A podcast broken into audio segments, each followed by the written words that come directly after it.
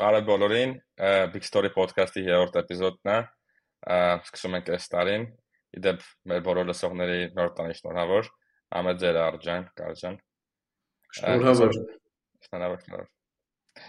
Այսօր հետաքրքիր թեմաներով ենք խոսալու։ Venture-ային ֆոնդերի մասն ենք խոսալու։ Իրանց ինչ են ներկայացնում, ոնց են աշխատում, ինչ եկամտաբերություն են ապահովում, որ ստարտափները կարող venture-ային ֆինանսավորում ստանան ու եւս մի քանի թեմա, բայց սա սկսենք, հա երևի։ Տեսնենք ինչքան ժամանակ է գնում։ Արի քեզանից սկսենք։ Ֆորմուլա Venture-ային ֆոնդը արդեն երևի 3 տարի է կա, չէ՞, մոտավորապես 2 Հա, 3 տարի է։ Ա պատմես յանք ինչ ներկայացնում ֆոնդը ու բիզնես մոդելը ոնց է աշխատում։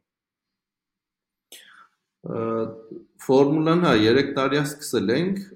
ընդհանուր առմամբ venture-ային ֆոնդերի մասին որ խոսանք, տենց 70-ականների կեսերից վերջերից որպես տենց ֆոնդեր ու տենց asset class, հա, անգլերեն ասած ակտիվային դասակարգ ձևավորվեց, որ երբ որ արդեն սկսեցին տենց ներդրողները ինստիտուցիոնալ նաև այդ մասով ուշադրություն դարձնել, որովհետև ահագին հետաքրքիր զարգացումներ կար, այն 50-ականների, 60-ականների ներդրումները մի քանի ընկերությունները արդեն այնքան էին խոշորացել, որ իրանց մասին զգացնել էին տալի, հա, ասենք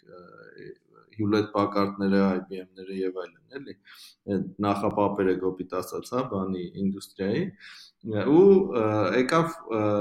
մի հատ դասակարգ ձևավորվեց, որ շատ ռիսկային ներդրումներ էին, որը որ խոստանում է շատ բարձր եկամտաբերություն Բարձր եկամտաբերություն ասելով հասկանում ենք մոտավորապես տենց 20-25% տարեկան վերադարձ, հա, բանի ներդրումների վրա, այսինքն ժամանակի վրա սփռելով տենց 7-ից 10 տարում մի 3-ից 5 անգամ հնարավորություն կար աճելու։ Իհարկե, ֆոնդի գումարը ինչ որ հավաքում եք, հետո investment եք անում, 10 տարում 3 անգամ աճում, հա, 3-ից 5 անգամ։ Մի ակալիքը 5 անգամն է, Իհարկե կախված է այդտեղ այդ դասակարգերից, հա, որտեղ ես ինվեստանում, ներդրում անում։ Հիմա այս մեր ինդուստրիայում այդ դասակարգումը բանով է գնում, չէ՞, այդ սահմնային, նախասահմնային ինչ որ Series A եւ այլն, ինչքան շուտ փուլում ես մտնում, հա, ինչքան այդ նախասահմնային, սահմնային Series A-երում ես մտնում, այնքան ակնկալիքը ավելի բարձր է։ Իհարկե ռիսկն էլ ավելի բարձր համապատասխանաբար, բայց հա, տես նորման երևի թե 3 3 անգամից ավելն է 3 անգամից ավելն է այն ավելի ուշ փուլերում որ մտնում են, ասենք, այնտեղ կա pre-IPO, հա, մինչև հանրային ընկերություն դառնալը, այդտեղ return-ները կարա այնց 1.5-ը լինի, ինչը օքեյ է, էլի ասենք, հա, շատ քիչ ռիսկային ներդրում է, արագ բան է, նո ռեալիզացվում է Տենց ընդհանուր առմամբ դա մերը կոնկրետ ու вообще Հայաստանում եղողները կարելի ասել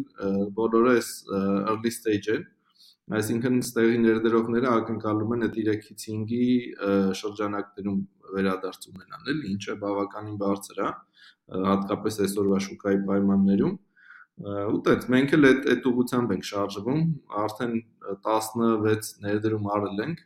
այս 3 տարիների ընթացքում ուսով ենք այդ 3-ից 5x-ը այն 5x-ի կողմ կգնա դեպի էլի ավելի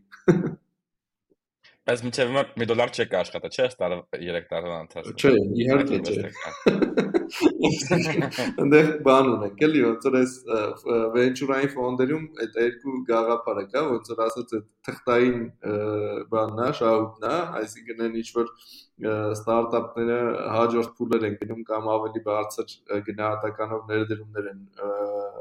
ներգրավում, թղթի վրա գրում ես, որ այսքան աշխատեցի, բայց իրական բան չկա, էլի։ Կանխիկ չկա, ցենց ասեմ, հա, cash return չկա, էլի։ Տենց։ Արդ մենք էլ big story-ին երևի արդեն երկու տարի սկսել ենք։ Մի քիչ կպատմես ոնց է ընդհանրապես որ շոր ստարտափներ կարան դառնան unicorn, կան միլիոնից 100 միլիարդ դոլար արժեքի հասնեն, բայց venture-ային ֆոնդերի return-ները տեն շատ համեծ return-ներ են։ Որ որ համատենք, ասենք public market-ի return-ը երևի 8% է, միջին ասված վերջի ասենք 30 տարում, լավ venture-ային ֆոնդերինը 20 է, բայց միջին venture-ային ֆոնդերինը երևի 10 է, էլի։ ասկի ինքը տենց որպես investment class ես ես իմ ինչի բայց ոնց է դա ստացվում էլի որ ստարտափները տենց մեծ եկամուտ են ստեղծում բայց venture-ային ֆոնդերը չեն օգտվում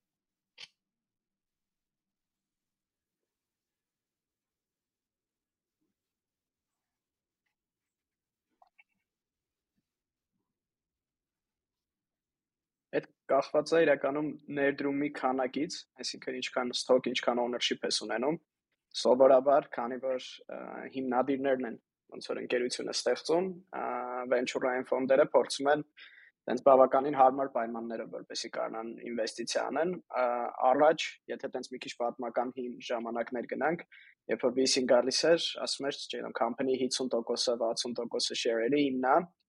ու հետո կամպանիները ստեղծում են, բայց քանի որ ոնց որ venture-ային ֆոնդերի մեջ է մրցակցությունը շատացավ, շատացան venture-ային ֆոնդերը, հիմա բավականին շատ են venture-ային ֆոնդերը կարելի ասել համարյա ստարտափների քանակին են, այսինքն իրանք են մրցակցում, իսկ այդ մրցակցությունը գնում է արդեն ոնց հարմար պայմաններ ստեղծենք ստարտափների համար, որ մեզ ընտրեն, քիչ տոկոս ունենանք եւ այլն։ Այսինքն դրանից է եկամուտները քչանում են։ Երբ որ company public-ա գնում, ենթադրենք 4 միլիարդով ու դու մոտավորապես 50%-ը ամբողջ բաժնետոմսերի ունես, ոնց որ այդ շատ մեծ return է։ Բայց երբ որ դու օրինակ, չգիտեմ, 5% ես CD ժամանակ, 5% ownership ես վերցրել, ու poker fund fund ես եղել, մեծ գումար չես ունեցել, այսինքն տենց բանկա չէ follow up-ներ, որ դու կարողանում ես ոնց որ ամեն ռաունդում ավելացնես investment-ը, եթե դու poker ես ֆոնդը փուջուրա չես անում այդ follow-on-ները, արդյունքում դու ոնց որ share-ի շատ քիչ քանակ ունես, երբ որ IPO-յա company-ն գնում։ Ամեն ֆոնդ դրա համար մոտավորապես լոգիկան հետևյալն է, իհարկե միջև 1 միլիարդ դոլարանոց ֆոնդերը իրանք նայում են նենց investment-ներ անեն, որ ամեն investment-ը մոտավոր հաշվարկայինա, որ քո ֆոնդը քեզ հետ վերադարձնի այսինքն ինքը գոնե այն չափի կամ եթե դու օրինակ 100 միլիոնանոց ֆանդ ես գոնե կամփանին պետքա, չգիտեմ, 1 միլիարդանոց exit անի, որ դու քո 100 միլիոնը եթե 10%-ով ես անում, հետ ստանաս։ Իսկ մեծ ֆոնդերը, որոնք 20 միլիարդ են, իրանց դեպքում դա չի աշխատում, որտեղ հավանականությունը, որ չգիտեմ, ինչ որ trillion dollar կամ շատ մեծ company կստեղծվի, ոնց որ բավականին քիչ է, դրա համար իրանք նայում են ավելի շատ ինչ կամփանիներ կան, որ իրանք կարան շարունակական ներդրում անեն, որ իրանք ownership-ը մեծացնեն։ Այսինքն ովա որ կարա հաստատ Series A-անի, Series B-անի, C-անի ու ոնց որ այդ մեծ ֆոնդը անընդհատ ներդրում անի, որ իր stake-ը կամփանիում մեծացնի, որ IPO-ի ժամանակ ձեռնատու լինի իրան։ Էսա, դա մեր դեպքում մեր ֆոնդերի մենք ոնց որ շատ friendly ենք համ Formula-ն, համ Big Story-ին, տենց շատ poker ոնց որ ownership ենք վերցնում ու քանի որ ֆոնդերը փուջուր են, տենց առանձնապես follow-on-ներ չեն կանում, այսինքն մեր համար բավականին դժվար է Իսկ ասած ամեն փոփ մենք համեստ ենք ու օպտիմիստ ենք 6x եւ այլն բավականին ռեալ է Այս այդ օպտիմիզմի մասին կխոսենք արտիստ ամեն փուլում քանի տոկոս են վերցնում ֆոնդերը դες մոտորապես էլի մա ոդքասթը արելա pre-seed seed series A Չսիզե հələ չի արա A ու տենց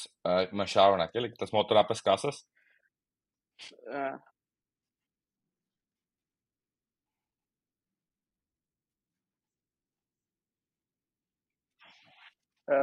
մոտարապես ռենջերը հետևելն ու համել ես որպես խորհուրդ է կարա հնչի էլի ստարտափներին ոնց որ pre-seed-ը սովորաբար ելնում է 5%, 5-ից 7%, միջև 7%, seed-ը էլի ոնց որ միջև 10% ու այս գումարվում է այն ինչ որ արդեն տվել ես էլի մոտարապես, այսինքն այդքան կորցնում ես մոտավորապես seed-ը կարա լինի 15 10-ից 15 այսօրվա դրությամբ A-ը բավականին ոնց որ բարձացել է, այսինքն կարելի 25-ից 30 նույնիսկ, միջինում 20-25 է լինում։ Ոնց որ մոտավորապես տենց է A, դե դրանից հետո արդեն կախված համե ինչ ֆոնդ է ինվեստանում, օրինակ մեծ ֆոնդերը տենց top tier Sequoia եւ այլն, իրանք սովորաբար գալիս են ու ամբողջ ռաունդն են ուզում վերցնեն, մոտավորապես 30% մենակ ոնց որ իրանք են գալի ավելի late stage-երում բայց իրական ֆաունդերների համար ամեն դեպքում միշտ ցանկալի է որ մտածելակերպային լինի որ այս վերջի ռաունդն է մենք ռեյս չենք անելու ոնց որ revenue-ն այնքան արագ աճելու մեզ պետք չի գալու իհարկե տենց չի լինում որ ուզում ես մեծ company սարքես բայց ինչքան փորձում ես տենց անես հավանականությունը ավելի լավ պայմաններով fundraising կանես որտեղ դու տենց լավ effective company ես, revenue ես generate անում, աճում ես, ինչ որ growth ունես, ոնց որ եթե այդ մտածելակերպը ես գնում, ոնց անեմ, որ Series B-ից պետք չգա։ Ես այնքան արագ աճեմ, ոնց որ revenue ունենամ, երբ որ Series B-ն գալիս է, արդեն ոնց որ մրցակցությունը այնքան մեծ է, որ դու կարաս ինչ որ կանոններ թելադրես, էլի, ես պատրաստ չեմ 25% կորցնեմ 10-ով եմ անում ուզում եք ուզեք չեք ուզում չեք այսինքն վերջի արդյունքում դուք ոնց որ խոսում եք իմ company մոտավորապես արժեքը ու ինչքան ես investment եմ ուզում որը արդեն նշանակում է ինչքան տոկոս ես դու տալի հա մոտավորապես չգիտեմ 100 միլիոն է իմ company արժեքը ես պատրաստ եմ 10 միլիոն 10 միլիոն եմ raise անում արդեն որ դու 10% ես ոնց որ տալի Հիմա կախված ինչքան արժեքը company, ոնց որ դու կարողանաս հասնես նրան որ բարձր լինի, կարաս ասես չգիտեմ, ես 10 միլիոն եմ raise անում, 500 միլիոն գնով, արդեն այդ վաղ քիչ ես կորցնում։ Բայց դա իհարկե շատ տենց ծայրահեղ օրինակ է, բայց մոտավորապես այս երկու input-ն է, էլի, որ կարևոր դեր է խաղում, այսինքն company արժեքը ու ինչքան ես դու fundraise անում, որպեսզի մյուս նպատակներիդ հասնես, ինքը արդեն ձևավորում է ինչքան տոկոս ես դու տալիս ու պատրաստ ես բայց դա միջինում շուկայում ստանդարտներ կա որ միջինում սենց է ստացվում են թվերը ինչ որ ասեցի հիմնականում վերջի վերջը բան կա էլի ոնց որ ֆոնդի տեսանկյունից այնքան լավ է կամպանին perform Իստում է նույնիսկ եթե բաները հիմնադիրները պատրաստ են ասենք այդ շփիկուլերում չգիտեմ 20-30% տան ֆոնդը պետք է այնքան խելամիտ լինի ասի չէ որտեվ ինչ որ փուլում բանի հարց կա էլի, հա, ոնց որ այդ հիմնադիրների հետաքրքրվածության հարց կա ոնց որ գործը հիմնադիրներն ու թիմն են անելու, այդ ֆոնդերը որ ներդրումներ անում են, իհարկե ինչ որ ազդեցություն ունենում են, բայց այնքան չեն ունենում, էլի որ կապիտացած այդ բիզնեսը սարքեն, հա։ Բիզնեսին օգնում են պրոստը։ Հիմա այդ բիզնեսին օգնելով ոնց որ այդ 30-40%-ները ունենալով բիզնեսը չի աճելու ոնց որ ինչ-որ բայց սկսած։ Այսինքն այդտեղ այդ Այսինքն ֆաունդերները դեմոտիվացնեն դուրս գան, հա։ Շատ ուներ են լինելու, հա, ոնց Արտոն ասաց, ինչքան էլ նպատակ ես դնում որ հաջորդ փուլ չի լինելու, մեկը կարիքը լինում է, որ պետք է ոնց որ նոր կապիտալ, որտեղ արագ ես աճում եւ այլ եւ այլ ու այդ ընթացքում ոնց որ այդ 40%-ները 50%-ները որ մնացել են հիմնադիրներին, այնքան են փոքրանում, որ արդեն լիմաշ չի ունենում, էլի ոնց որ ֆինանսական տեսանկյունից այդ գործով զբաղվել է։ Այսինքն ինչքան էլ գայթակղությունը մեծ լինի, ֆոնդերը պետք է իրանց բան անեն, էլի զսպեն, որ այդ ճիշտ կանոններով գնան առաջ, որ վերջում բոլորի համար լավ է, կոպիտ ասած, էլի։ Կար իսկ որ հետ գանք այդ օպտիմիզմի մասին որ խոսում ենք։ Մա 3 տարի է ձեր ֆոնդը կա, 2 տարի է մեր ֆոնդը, ու հələ 1 դոլար չենք աշխատել։ Դա երբ մարդկանց հետ քիլա բա ոնց է այդ բիզնես մոդելը աշխատում, ոնց են այս մարդիկ ապրում։ Այդ այդ առաջինն է ու երկրորդը այն օրը որ խոսում էինք, ասենք դասական բիզնեսների մասին, չգիտեմ, սրճարան, ռեստորան, որոնք որ ոնց ահագին բար բիզնես մոդել ունեն, բացում ես մի 3 ամսվա ընթացքում պետք է սկսես արդեն եկամուտ գեներացնես ու ուզում եմ դա հասկանալ որն է լոգիկան էլի որ կամպանիաները կան ընդհանրապես venture-ային funding-ի համար դիմեն որոնք որ չեն կարա քիչ մտքեր որ քիչ շատ լավ կնա Առաջի հարցը ապրելու մասին է, ոնց ենք փող աշխատում, իսկ Դե ընդհանուր ոնց որ ֆոնդերը ոնց են աշխատում, գոյություն ունի այդ management fee գաղափարը, այսինքն ներ, ներդրողները որ ինչ որ կապիտալ են վստահում ֆոնդին, այդ կապիտալը կառավարելու համար այդ կառավարումը վարձ են տալիս նաև, հա, այսինքն ֆոնդը գանձում է, որը սովորաբար լինում է երկու բացառիկ դեպքերում տենց 2.5 կարող առնի, երբեմն տենց 1 ու քանի եւ այլն, բայց կլասիկան երկուսն է, հա, 2% տարեկան տարեկան ֆի է աշխատում, հա, կառավարման վարձ է աշխատում ֆոնդը, որը որ որով որ տենց հիմնական իր այն առօրյա կարիքները հոգում է, հա։ Հիմա այդտեղ միշտ բան կա, գայթակղություն կա ֆոնդ բացելուց մեծ ֆոնդ բացել, որը 2%-ը շատ լինի, բայց այդտեղ կա նաև հարցի երկրորդ կողմը, ինչքանով ես կարողանալու այդ return-ները ապահովես, հա, շահույթը ապահովես, այսինքն հիմա եթե 100 միլիոնանոց ֆոնդ ես բացել, որը պետքա 5x լինի, պետքա 500 միլիոնի return ապահովես, էլի։ Հիմա այնտեղ շուրջդ նայում ես, այդ քո բանով, հա, այդ thesis-ով այսպես ասած կան այդքան ստարտափներ քո շուրջը, որ այդքանի return են ապահովելու։ Եթե չես սկսում ես տես կամած կամած հետ գալ դեպի իրական աշխարհ, ու դրա համար մեր այս հայկական իրականության ֆոնդերը հələ որ փոքր են, իսկ թվում է դրան էլ ոնց որ բան անում, հա, այդ գործոններ կա, որ ասենք տենց չգիտեմ, հələ որ 50 միլիոնանոց ֆոնդ չունենք, հա, ոնց որ մեր շուրջը, Իհարկե հուսով ենք շուտով կունենանք նաև այդ այդ դասակարգը ստարտափների, որոնք որ այդտենց աճում են, այդ հիմնադիրների, որ այդտենց բիզնեսներ են սկսում բայց process է, ընդհանուր process է, որ պիտի զարգանա։ Այսինքն բանը ֆոնդի տեսանկյունից է հիմնական նախնական այդ cash flow կառավարիչների համար կառավարման վարձնա, հետո գալիս է այդ carry ասածը, որը որ շահույթն է արդեն exit-ներից, հա, երբ որ ինչ որ փուլում ինչ որ փուլում ֆոնդը դուրս է գալիս ստարտափից տարբեր ձևերով կա, հա, այդ արդեն կամ սպասում է IPO-ը լինում, կամ ինչ որ փուլում ուրիշ ֆոնդի է վաճառում իր փայը կամ հիմնադիրներին է հետ վաճառում, ինքը տարբեր մոդելներ կան, այսինքն ամեն ֆոնդ իր այդ exit strategy ասածը գծում է, էլի ոնց է պլանավորում, օրինակ մենք պլանավորում ենք, որ բացառիկ դեպքերում կարող է մինչև IPO սպասենք, ժամանակի տեսանկյունից հիմնականում մեր ոնց որ exit strategy-ն դե Series-ի կոմերը դուրս գան, հա այսինքն այդտեղ մեր ոնց որ հաշվարկներով այսպես ասած օպտիմիստական այն թվերը պետք է լինեն, որ այդ վերադարձները ապահովեն, հա, այսինքն այդտեղ չգիտեմ, այդ փոքր-փոքր մասնակցություն կունենան տարբեր ստարտափներ, բայց այնքան կկուտակվի այդ կապիտալը, որ կգնի այդ 3-ից 5x-ը,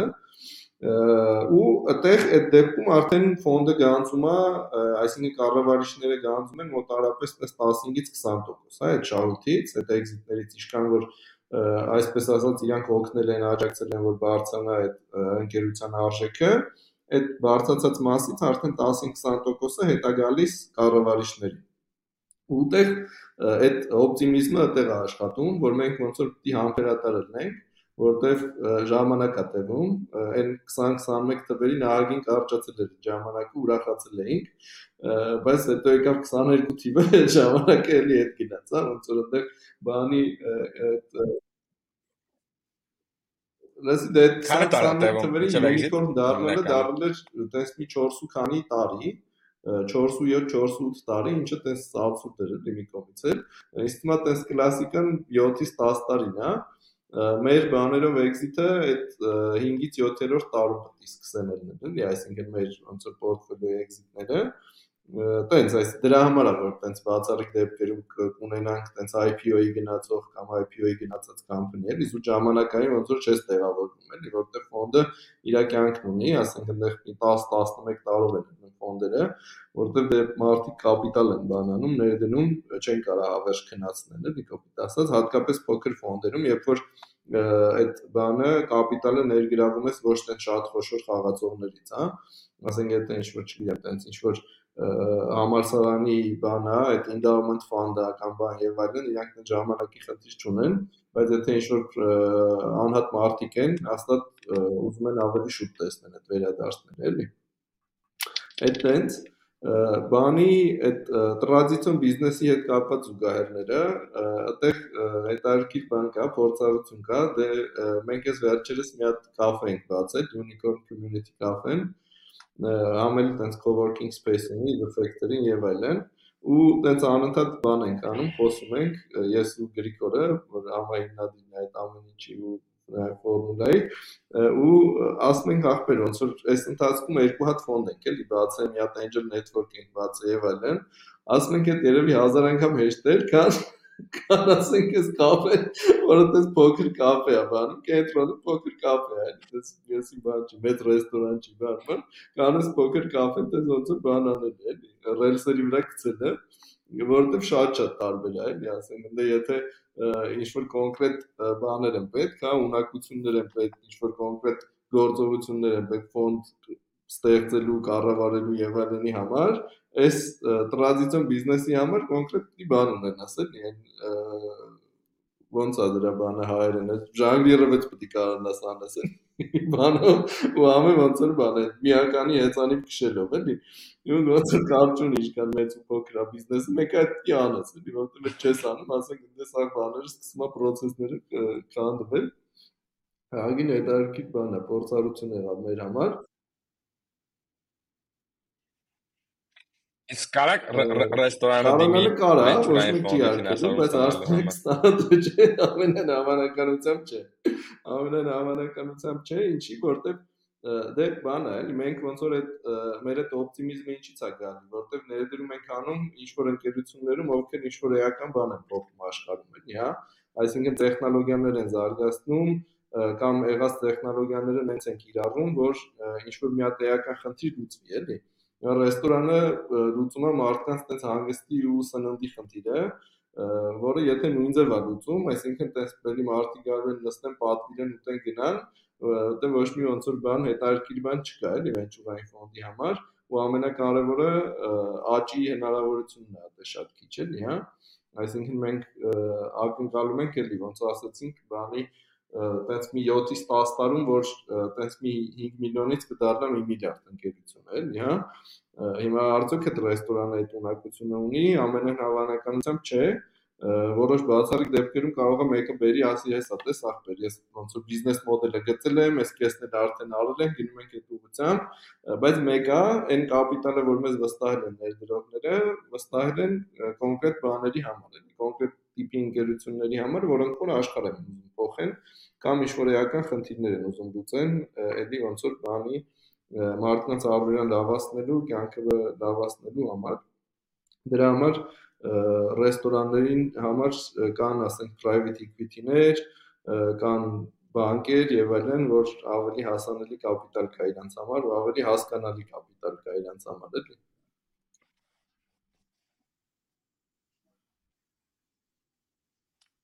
Մեծ օրինակ եմ ուզում ասացի։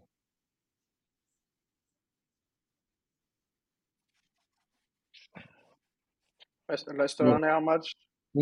կներեք ավելի տրադիցիոն ոնց որ կոպիտ ասած ինչ որ partner գտնելը, որը 50%-ը կվերցնի, բայց գումար կտա, ու սпасելի կունենա, որ չգիտեմ, 3 տարուց այսքան գումար կվերադարձնես, ու ամսական ինքը այսքան եկամուտ կունենա ֆիքսված, այդ ամենահեշտ ու աշխատող տարբերակն է Հայաստանում, ինչ որ մեկը գումար ունի, պատրաստաններն էլ, սպասում է ստաբիլ ինչ որ եկամուտ X քանակի, բայց չի սպասում, որ ինքը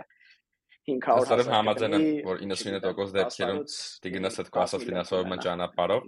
բայց հատ օրինակ կա, որ շատ եմ սիրում, կոչվում է Blue Bottle, որ Սան Ֆրանցիսկոյում սկսված կոֆեի խանութ էր, էլի։ Իսկն Starbucks-ի նոր տարբերակը, ու իրանք 120 միլիոն դոլար գումար են ներգրավել VC ֆոնդերից այդտեղ True Ventures-ից Morgan Stanley-ից եւ այլն ու ու վերջում կես միլիարդով exit եղան մի 5-6 տարվա ընթացքում էլի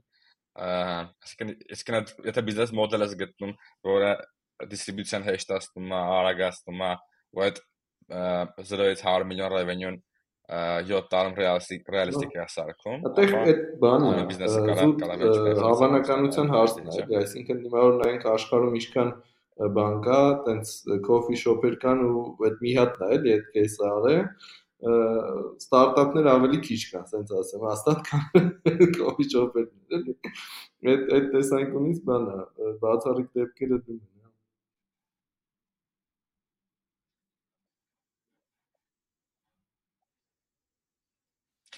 Okay։ Ամ Ինչ որ բան ունեք ավելացնելու այս venture fund-ը թեմայով։ Ահա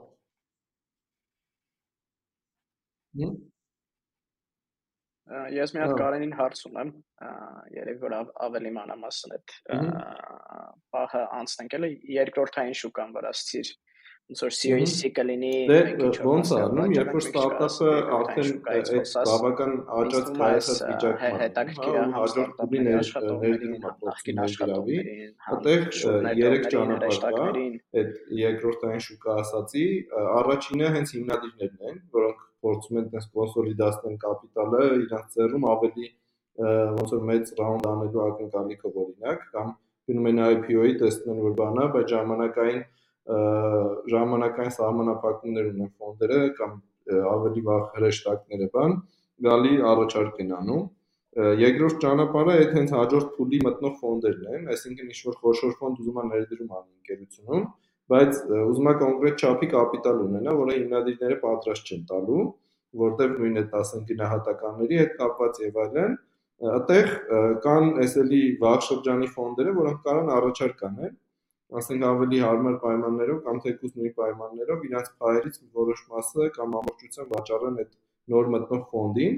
որը որ համ իրա ոնց որ այդ նպատակներին կհասնի, ավելի շատ մասնակցություն կունենա ընկերության մեջ, էլ այն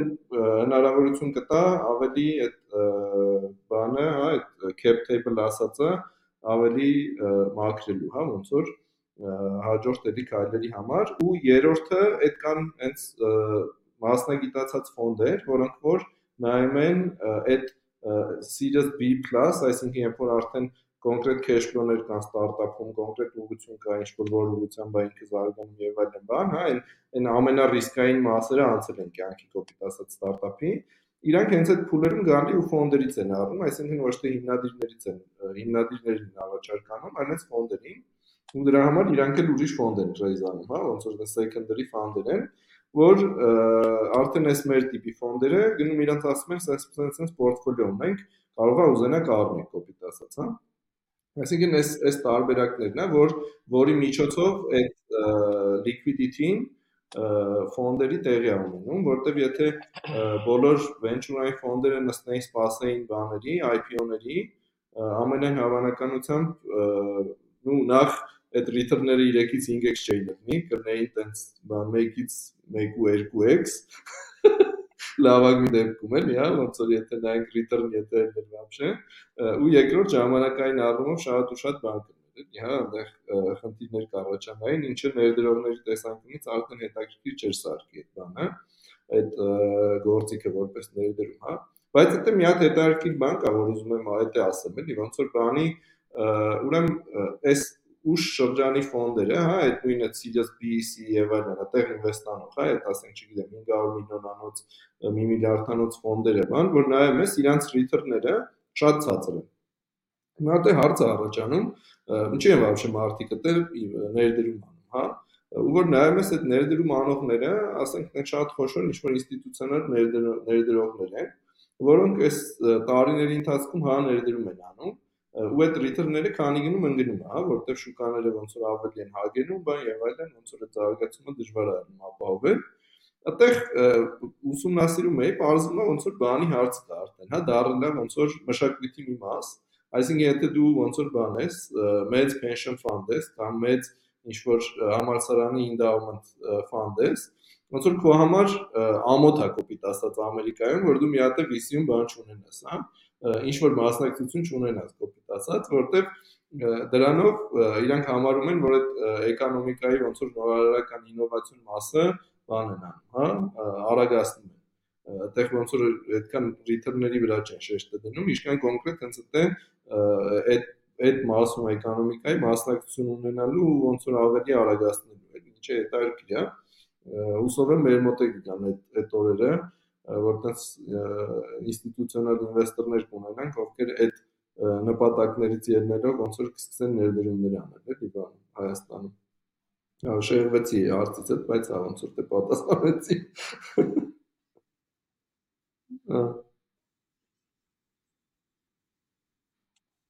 Այդ բան ավելացնում կար։ Սովորաբար secondary-սները որ անում են, գոնե founder-ների մասով, եղած ինվեստորները ու նոր ինվեստորներն են անում, որ շատ մեծ cash չհանեն founder-ները, ասենք եթե, չգիտեմ, 200 միլիոն դոլարից company-ը այդ փուլում փորձում են, ասենք, մաքսիմում 2-3%-ան թողում, որ exit անես, 5 միլիոն դոլար, որը որ վերում է founder-ի համար շատ ստաբիլ լավ lifestyle-ի, մասնավորապես այդպես Ամերիկայում է ապրում, բայց նաև անշուր եթե ասենք 20-30 միլիոն թողեն էջանը, հետո մի օր շուտ դուրը չգար այդ հարաբերեցնում, ասել դուք ձեր կամպանիանը ձեր բանը ֆոնդերն է, ես գնացի, հա, ասեն այդ այդ կոնկրետ founder-ների secondary-ները շատ շատ սահմանափակ են անում։ Արդ ինձ թվում է կարող անցնենք երկրորդ հարցին, կարող է նշել որ 20-21 թվերին տենց funding-ները շատ-շատ էին ու unicorn-ին դառնում 4-5 տարվա ընթացքում ու հիմա տենց էականորեն դժվարացել է fundraising-ը այդ մենք տեսնում ենք հենց մեր ընկերությունների մասով տեսնում ենք մեր շուկայի միջա կատարվում մի քիչ ընդհանուր cover կանես այսօրվա fundraising-ի վիճակը ոնց է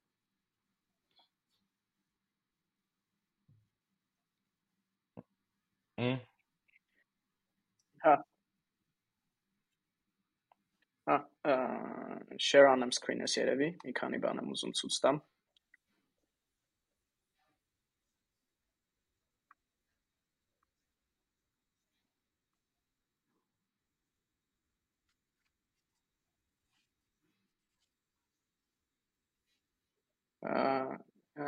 չգիտեմ, խորտ կտամ այս տողուն LinkedIn-ով ով չի հետևում ու հետաքրքրված է fundraising-ներից ընդհանրապես հետևի Peter Walker ինքը ոնց որ կարտայի ինսայթներն է տալիս կարտան տենց պլատֆորմա է որտեղ մարդիկ ավելացնում են իրենց employee stock option-ները, սա fundraising-ի process-ն են կառավարում ու արդյունքում իրանք շատ լավ ստատիստիկա ունեն ու ոնց որ երկու նորություն կա մի հատ լավ, մի հատ վատ։ Գիտ zoom կանես Սարջան։ Օրինակ, սկսենք լավից։ Եթե այս գրաֆիկին նայենք, ոնց որ նոր quarter-ը անցած տարվա վերջի quarter-ը ավելացել է։ Հա։ Սենց լավ է։ Ա, եթե նայենք օրինակ համեմատած 21 թվականի հետ, բավականին valuation-ները տարբեր round-ներով հետ են եկել ճիշտ է late round-ներում Series C-ում ու Series D-ում հետ չեն եկել, բայց բավականին լավ նշաններ են ցույց տալի, որ կարան հետ գան։ Բայց եթե նայենք seed-ը, օրինակ իրականում ավելի լավացել է, եթե համեմատենք 2021-ի առաջի quarter-ին, այսինքն ինչքան են raise անում ու, valuation-ը ոնց է։ Նույնը Series A-ը գնալով ավելի լավանում է։ Series B-ն արդեն այդքան չի տարբերվում տոկոսներով valuation-ի ու ներդրումների քանակի, Այս ոնց որ լավ նորությունն է ու մի հատ էլ ուզում եմ հին դատան նախորդ quarter-ի ցույց տամ, որտեղ համեմատվում է 2020 թվի հետ։ Եթե նայենք, որտեղ 2021 թիվը ինքը իրականում տենց outlier էր, ինքը բավականին բարձր էր, տարօրինակ բարձր էր, COVID-ներ նպաստ է եւ այլն, որտեղ լիքը VC-ների համար venture-ային ֆոնդերի ոնց որ COVID-ը նոր հնարավորություններ էր բացել, որտեղ իրանք մտածում էին, որ բոլոր company ամեն ինչ գնալու է digital, քանի որ մարդիկ տունն են եւ այլն, բայց ոչ մեկ չէր մտածում էլի, որ COVID-ը գնալու է ու լիքը լիքը ոլորտներ հետ են գնալու։ Դրա համար 2021-ը մի քիչ ինքը ավելի outlier էր, բայց եթե օրինակ համեմատենք 2020-ի հետ, օրինակ երրորդ quarter-ը 2023-ի, կտենանք, որ էլի բավականին օրինակ seed, series A եւ այլն էլի բավականին ավելի լավ են եղել նույնիսկ քան 2020-ում ու series B-ն եւ այլն այդքան մեծ տարբերություն չկա։ Իսկ այս ինչա ցույց տալի, ցույց է տալի, որ իրականում կամփանիների արժեքները ու ինչքան իրանք ներդրում կարան ստանան, բավականին հետ է գալի ու տրենդը ցույց է տալի, որ գնալով լավանալու է։ Բայց դե կա մի հատ ոնց որ վատ նորություն, վատ նորությունը այն է, որ investment-ների քանակն է քչանում։ Այսինքն լավ կամփանիները կարան ոնց որ լավ արժեքներ ստանան ու լավ բարձր ներդրումներ ստանան, բայց ընկերությունների քանակը, որոնք հնարավորություն են ունում ներդրում ստանալու, քչացել է մոտավորապես արդեն հասել է 2018-ի քանակին։ Այսինքն եթե նայենք այս տրենդը 2021-ին մոտավորապես 70 միլիարդ deploy ա եղել հիմա հասել է ոնց որ 10-ի մոտիկ 2018-ին ինչ որ կատարվում էր ու սրա տրենդն է ցույց տալի որ գլարը քչանում է դրանից ինչքան է revenue, այդքան պիտի ծախսես, էլի, որ կարողանաս արագ աճես այդ աճի տեմպը պահելու համար, բայց բացի այդ ունես նաև ընդ չգիտեմ, լիքը ադմինիստրատիվ ծախսեր, SRN-եր, որը որ էլ revenue չի երիքացնում այդ փակելու համար, հա, այսինքն պիտի գնաս ներդրում վերցնես, ու այդ ներդրողներն է, որ տեսնում են արդեն այդ աճի տեմպը, հա, ուղղությունը պատրաստ են փակելու կոպիտ ասած կորուստները, այն ակնկալիքներով, որ հետագայում այդ ամեն ինչը payback կլինի, հա, հետ կվերադառնա։ Դրա համար հա, պատասխանը է դա, որ ոնց որ արագ աճի համար շահույթները այդքան էլ էական չեն բայց ինչ որ պահի պետքա այդ հորիզոնում երևա, հա, ոնց է այդ ամեն ինչը վերածվելու sustainable business-ի, այսպես ասած, կայուն բիզնեսի, այսինքն եթե ու այդտեղ նաև այդ 2021-ի հետ բան կա, հատում կա, այնտեղ եթե տենց ոնց որ այդ unicorn-ները արագ աճող բան էին, հա, ոնց որ investment driven business-ներ էին, որովհետեւ այդ investment-ի ոնց որ բանը grant-ը անջատում էր էլ չէր կարում կամփանին ոնց որ գոյատևեր ու իրար հետ տարբեր ֆոնդեր տենց աճացնելով, աճացնելով, լիքը փողոցներով բան էին սարքում, հա, յունիկորն էին սարքում։ Հիմա այդ մոտեցումը էլի հետագնացել է 16, 17, 18 թվերին, որ դու պիտի ոնց որ բիզնես մոդել ունենաս, էլի, հա, բիզնեսը ոնց է աշխատելու, աշխատելու է թե չի աշխատելու вообще։ Ասենք, օքեյ, հաջորդ ռաունդը ռեյս չես անում, էլի, ինչ ես անելու կարող ես մտնես survival մոդի մեջ, ինչ որ չգիտեմ, բաներ, կրանտներ փակես, բան անես, բայց տենց ոնց որ գնաս ասնես ինչ որ մետրիկաների, որ investment-ը raise անես, թե հենց ոնց որ ասին չէ, ուրեմն չէ, գնացինք տներով, ոնց որ բան չկա, չենք կարող աշխատենք։ Այսինքն այդ այդ դրա հետ կապված այդ այդ կորուստները անվերջ չեն կարող առնել չնայած ոնց որ ասում է ինչ որ Amazon հետս կվիճեր, կասերխի չէ, որ լավ է կարող լրնեն, որտեղ իրանց բաներով, վայրնաշրներով որ նայում ես, ես վերջերս եմ ջեմ անում, դե բան պրոֆիտ ցույց տալիս են թե չէ բան, բայց ահագին երկար ժամանակ ցույց չէին տալի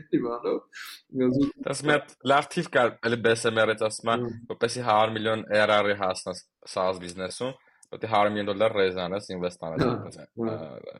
Հետաքրքիր բան է։ Յա, բրոյակի բացառություններ կան։ Իսկ հնարավոր չի առանց ռեյզ անելու 100 միլիոն revenue-ի հասնել։ Հնարավոր է։ Ամեն ինչի հնարավոր է։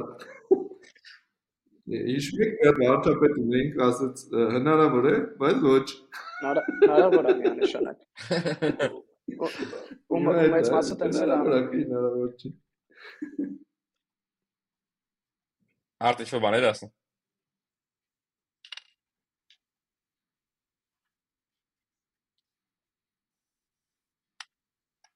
Հա, տենց օրինակներ իրականում կան։ Մի քանի հատ որ ես գիտեմ են, օրինակ մի հատ ահա roadmap-ինգի product կար, սա bootstrap-դեր, ասել էին բավականին մեծ ARR-ի ու լիքը կամպանիներ կան, մենք չգիտենք ցավոք, որտեվ այն կամպանիները, որ իրանց գրպանից են անում, աճում են, մեծանում են, տենց շատ media visibility չունեն, որտեվ էս VC VC ոլորտում չեն, բայց տեն ստատիստիկա կա էլի որ still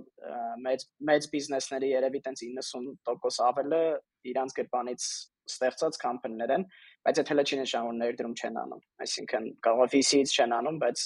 չգիտեմ նախորդ company exit ունեցել 10 միլիոն դոլար գումար ունի founder-ը դնում է իր company մեջ ունենում է արդյունքում ավելի մեծ take ունենում company-ում ավելի շատ եկամուտ ունենում քան օրինակ VC-ով կաներ, բայց այդ кейսերը ելի ինչ որ կապիտալ պահանջում է, այսինքն դա 0 կապիտալով իրանք չեն արվում, այդ 0 կապիտալով շատ-շատ հազվագյուտ դեպքեր են, որ տենց դե, աճում է սլեփինգը դանն է, հենց այդ հիմնադիրների ոնց որ կապիտալը որտեղից կոպիտ ասած է չահույքը դիվիդենդ չեն վերցնում որպես այլ ոնց որ հետ են դնում աճի մեջ, էլի։ Հակական VC environment-ի մասին է ուզում մի հատ ոնց որ wrap-up խոսանք թեմաները փակելու համար։ Իսկ ես եմ հասկանում, եթե դու լավ ստարտափ ես ու հայկական ստարտափ ես, հիմա 1 միլիոն դոլար raise անել է հայկական VC ֆոնդերը, շատ-շատ ռեալ է։ Ու այդ Հայաստանի 1 միլիոնը թե Հայաստանում ես ծախսում, ոնց որ համարժեքը երևի Silicon Valley 4 միլիոնի, որտեղ 4 անգամ երևի միջին աշխատավարձները ավելի էժան են։ Ինչ է կարծում, բայց եթե տենց հնարավորություններ կան, չենք տեսնում շատ ու շատ հաջող ստարտափներ, որ ռեզեն անում։ Այս մի քիչ անդադ անգամ եք քննարկեցինք, կար կուզենեք քո պերսպեկտիվաներ հասկանալ։ Դա մեր pipeline-ը այդքան փոքր։ Իսկ է, այդտեղ այս վերջի 1-1.5 տարին ահագին ազդեց ու մարդկանց նաև հոգեբանության վրա։ Իսկ է շատերը ինչքան էլ մենք sense տարբեր հարթակներից խոսում ենք, որ հասանելի է, սկսեք, ոնց որ արեք, բան եւ այլն, բայց մեկը ինչ որ վախ կա ու այն մարդիկ ովքեր որ գաղափարներ ունեն ու հիմա ինչ որ տեղերում նստած աշխատում են ոնց որ վախենում են այդ ստաբիլությունը բան անեն զիջեն կոպիտ ասած ինչ որ նոր ինիցիատիվա սկսելու համար որտեվ այնուամենայնիվ սախկոմերից լսում են որ շուկան վատ է ամեն ինչ վատ է ոչմ հիմա դրա ժամանակը չի եւ այլ մենք է որտեղ նստում հերնում ասում ենք դրա ժամանակն է Հիմա ինձ թվում է պետքա ոնց որ բան անել, էլի, այդ հարցը լուծելու համար նաև պետքա այս ամեն ինչի մասին շատ ավելի շատ խոսալ, այդ հասանելիության մասին օրինակ, որ եթե դու իրոք շատ լավ գաղափար ունես ու այդ գաղափարի շուրջ աշխատել ես ամենակարևորը, ինչ որ բան է ստեղծել, ունես այդ ձեռնարկատիրական ջիղը, հա, որ ոնց որ մարդիկ քեզ հավատում են ու քո հետևից գալիս են, հաստատ պետքա գնաս ինչ որ բաների հետ, angel network-ների, VC-ների հետ խոսաս, պատմես ինչ ես անում, ոնց ես անում, որ հասկանաս ինչ է կատարվում, էլի ու այդտեղ շատ մեծ է հավանականությունը, որ եթե այդ ոնց որ սոուսի բոլոր կոմպոնենտները կան, կստանաս այդ ֆանդինգը 1 միլիոն կամ մինչև 1 միլիոն, որը ամենակիչը տենց մի տարի, տարուկես կհերիքի ինչ որ բան սարքելու համար ու ելի հետ գալով իմ օպտիմիզմին ինձ թվում է անverջ չի շարունակվելու էլի այս բանը, հա, տխուր վիճակը արտոնը թվերը ցույց տվեց, արդեն կամած կամած ինչ որ ստաբիլություն է գալի ու այդ մեծ VC-ների վախն էլ ինչ որ պահի պիտի վերանա, իրանց վախը ոնց որ իրավաբանորեն է պետք է վերանա, որտեվ իրանք բան ունեն, էլի commitment ունեն, ինչքան ժամանակում պետք է միլիարդները ծախսեն, այդ ժամանակը կանի գնում բրծնում էլի, այսինքն պետք է սկսեն ծախսել ինչ որ փուլում։ Ու հիմա ինչի է լավ ժամանակ, ինչի ենք ասում, հիմա սկսեք, որ հիմա սկսեք մինչև տարի տարուկես հետո արդեն համ շուկայի այն կետում կլնեք, որ ամեն ինչ ավելի ոնց որ պայծառ գույներով է, համ դուք այդ տարի տարուկեսը չեք կորցնի ձեր product-ը ոնց որ develop անելու համար ու աշխարհից հետ չեք ընկնի, որտեվ այսօր շատ-շատ արագ է էլի փոխվում ամեն ինչ ու ու տենց ու բոլորը ոնց որ կօգտվեն, այսինքն էլի ոնց որ կոչ ենք անում, որ ռիսկով առաջ գնան մարդիկ, եթե ունեն գաղափարներ, եթե ինչ-որ բան կարողանում են սարքել, կարողանում են իրանք շուրջը մարդ հավաքել, ուրեմն ժամանակն է գալ մեր հետ խոսալու մենք էլ էշի որ էլի տենց ինչ որ բաղկված ենք կամ չգիտեմ, էլի մեր հետ խոսալն է իստիմա շատ հեշտ է։ Այնա կաֆե ենք բացը դրա համար, սաղորս դե կոֆե ենք խմում, որ բան լինի անց։ Ես ճիշտ է կոֆես քչացրել եմ, եթե ասեմ, չայ եմ խմում, բայց բայց ամեն դեպքում եկեք խոսանք հասկանանք, որտեվ որտեվ հաստատ պոտենցիալը կա ինձ թվում, հա ու այս նոր տեխնոլոգիաները ու հատկապես այս generative AI-ն է ել ավելի մեծ հորիզոններ բացեց, որ այն մարդիկ ովքեր իրանք իրանցով չէին կարող ինչ-որ բաներ սարքեին կամ դժվարանում էին իրանց գաղափարները իրականացնեն, հիմա շատ ու շատ ավելի հեշտացել է, էլի, այսինքն հիմա այդ բիզնես mindset ունենալը, բիզնես մտածելակերպ ունենալը, այդ համա համակցելը մարքեթինգի ու սեյլզի ինչ որ ունակությունների հետ կարող է այտենց շատ քիչ ինչ որ տեխնոլոգիական ունակություններով այդ ամեն ինչը համեմելով մի բան ստանաս, էլի։ Սենց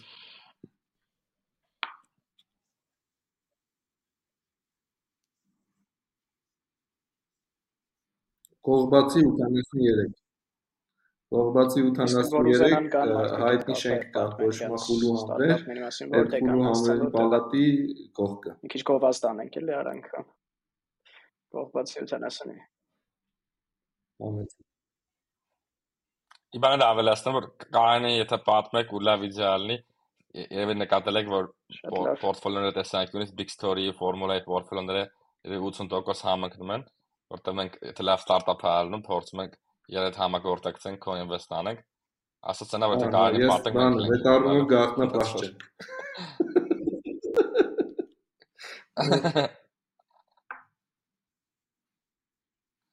Okay, okay, cool։ Շատ լավ խոսակցություններ venture-ային շուկաների մասին։ օգտակար, տեսնենք մարդիկ ինչ ֆիդբեք կտան։ Շատ լավ։ Հաջողություն։ Հաջողություն։ Առողջություն։